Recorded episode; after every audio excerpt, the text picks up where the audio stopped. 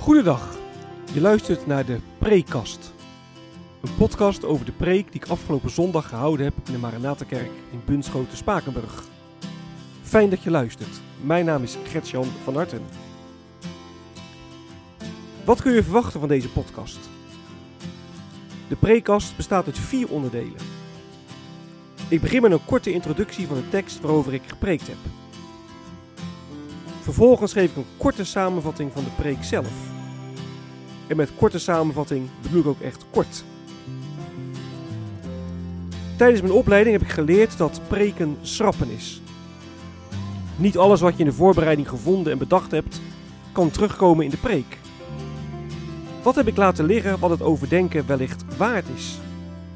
Daar wil ik het over hebben in het derde deel van de preekkast.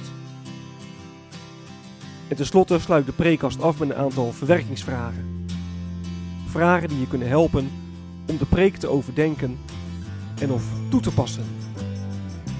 Ik wens je veel luisterplezier.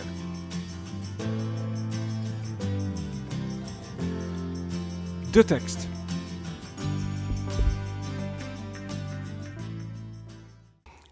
De preek ging over Psalm 138. En in Psalm 138 zegt de dichter dat hij de Heere wil loven met heel zijn hart. De dichter heeft het moeilijk gehad, maar hij zegt, ja, toen ik u aanriep, toen hebt u mij geantwoord.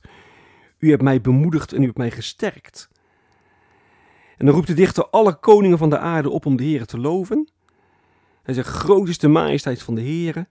De Heer is hoog verheven, hij ziet om naar, naar, de nederige. Maar de hoogmoedige, die doorziet hij van verre. En dan eindigt de psalm met vers 8, en daar ging de preek over. De Heere zal mij altijd beschermen. Heere, uw trouw duurt eeuwig. Laat het werk van uw handen niet los. De preek.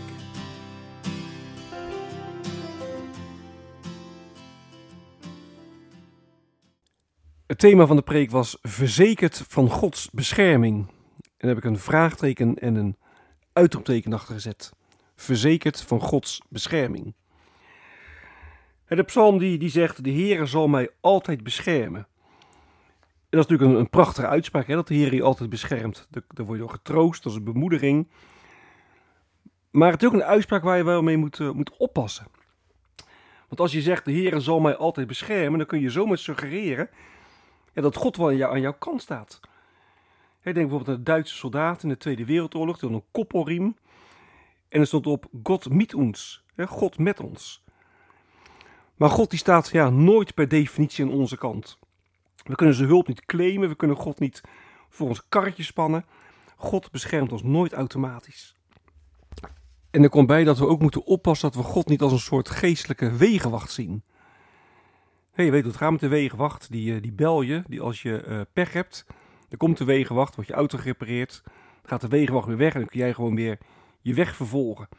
Nou, zo kunnen we ook met God omgaan. Hè? Als wij het moeilijk hebben, als wij zorgen hebben, als we ziek zijn of verdrietig zijn, ja, dan, dan bidden we tot God. Dan komt Hij om ons te helpen. En als we hem niet meer nodig hebben, als we geholpen zijn, dan verdwijnt Hij weer naar de achtergrond. En wij gaan weer gewoon verder met ons leven. Ja, dan is God er in feite om ons te dienen, in plaats dat wij Hem dienen. Want dat is de reden dat God ons geschapen heeft. Hè? God heeft ons geschapen zodat wij voor Hem zouden leven. En het is letterlijk en figuurlijk zonde als we dat niet doen. Zonde is, is, is, veel meer dan, dan het overtreden van Gods geboden of het niet doen wat God vraagt. Zonde wil zeggen ja, dat je je bestemming mist. Dat je eeuwig leeft in, in nauwe verbondenheid met God. Ik vergelijk op categorisatie, of categorisatie zeg ik regelmatig. Zonde, dat is uh, een briefje van 50 euro als wc-papier gebruiken en dan doorspoelen. Daar is dat briefje niet voor bedoeld. Dan verliest het zijn waarde. Het is gemaakt als betaalmiddel, niet om, om door de wc gespoeld te worden. Dat is zonde. Je mist je bestemming, je mist je doel.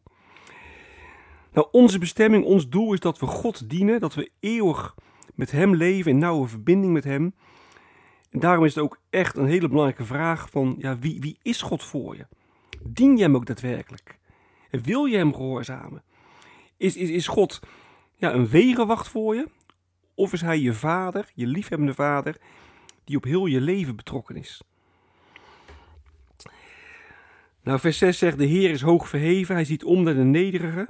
de hoogmoedige doorziet hij van verre. En de hoogmoedigen, dat zijn in de Bijbel altijd de mensen die denken dat ze het zonder God prima kunnen redden. Nou, de psalm zegt dus, de Heer doorziet hen van verre. Maar naar de nederigen ziet hij om. En de nederigen, dat zijn de mensen die ja, echt beseffen en doorhebben dat ze het gewoon niet redden zonder God. Nou, God ziet naar hen om. En dan zien we het meest duidelijk terug in het leven, in het sterven en in de opstanding van Jezus Christus. in Jezus kwam God naar deze wereld toe om ja, mensen te bevrijden van de vergankelijkheid en te bevrijden van ja, de vloek van de zonde. En daarom is het zo ontzettend belangrijk dat wij echt onze afhankelijkheid van God erkennen. Dat we naar God toe nederig zijn. Dat we echt doorhebben dat Hij heilig is, hoog verheven. Ja, en dat wij het zonder Hem gewoon echt niet redden. Want wij, wij zijn vergankelijk, we zijn klein, we zijn kwetsbaar, wij zijn zondig. Nou, als je je afhankelijkheid van God beleidt, als je vertrouwt op het werk van Christus, dan mag je zeker weten dat God je beschermt. Want dan ben je een geliefd kind van God. Dan gaat Gods vaderzorg naar je uit. De psalm eindigt met: Laat het werk van uw handen niet los. Het werk van Gods handen, dat is zijn reddingsplan. Nou, Jezus is het bewijs dat God het werk inderdaad niet heeft losgelaten.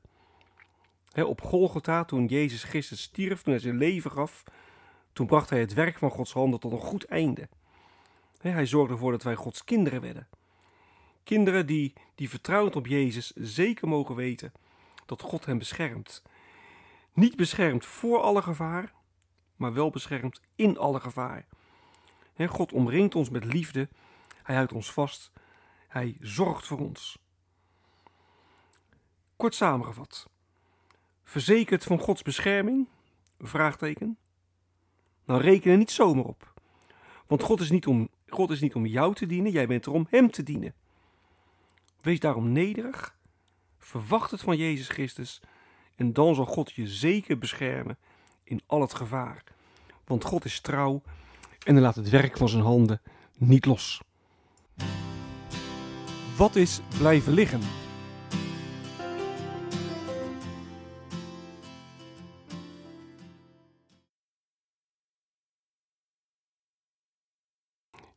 In de preek zijn we heel veel punten teruggekomen, al dan niet uh, kort. Maar er zijn toch drie dingen die ik nu nog even uit wil lichten en apart wil noemen. En het eerste is vers 3. Hè. Toen ik u aanriep, hebt u geantwoord. Mij bemoedigd en gesterkt.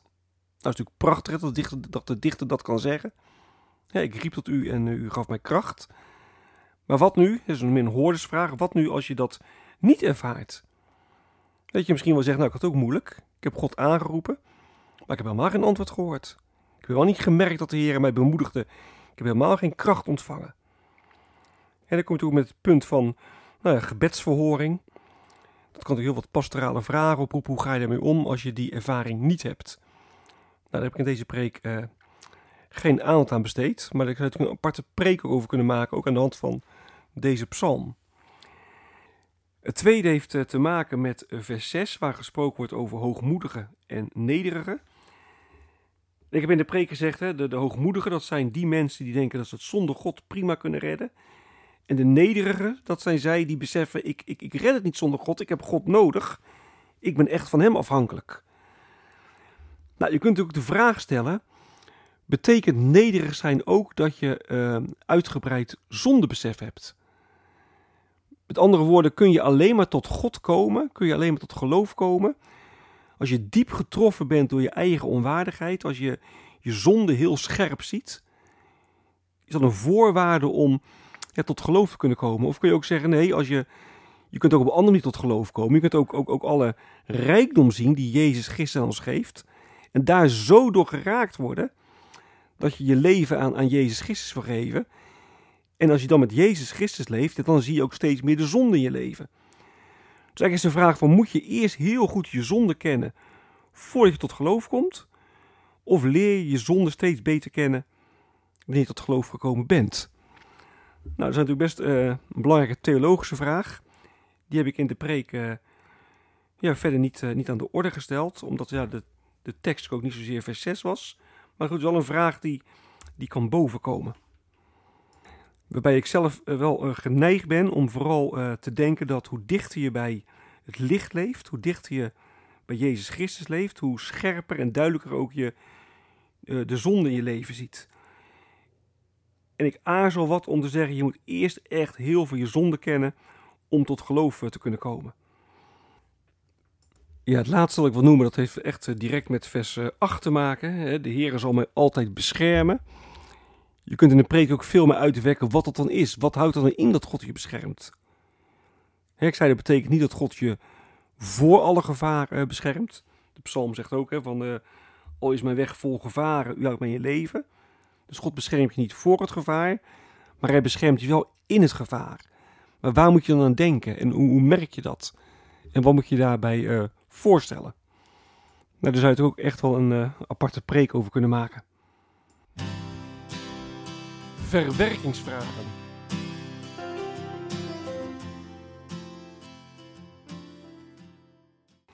Op het preekblad dat je kunt downloaden op mijn website, moet je even googlen naar Gertjan van Harten preekblad, heb ik weer een, een viertal vragen en gesprekspunten opgenomen.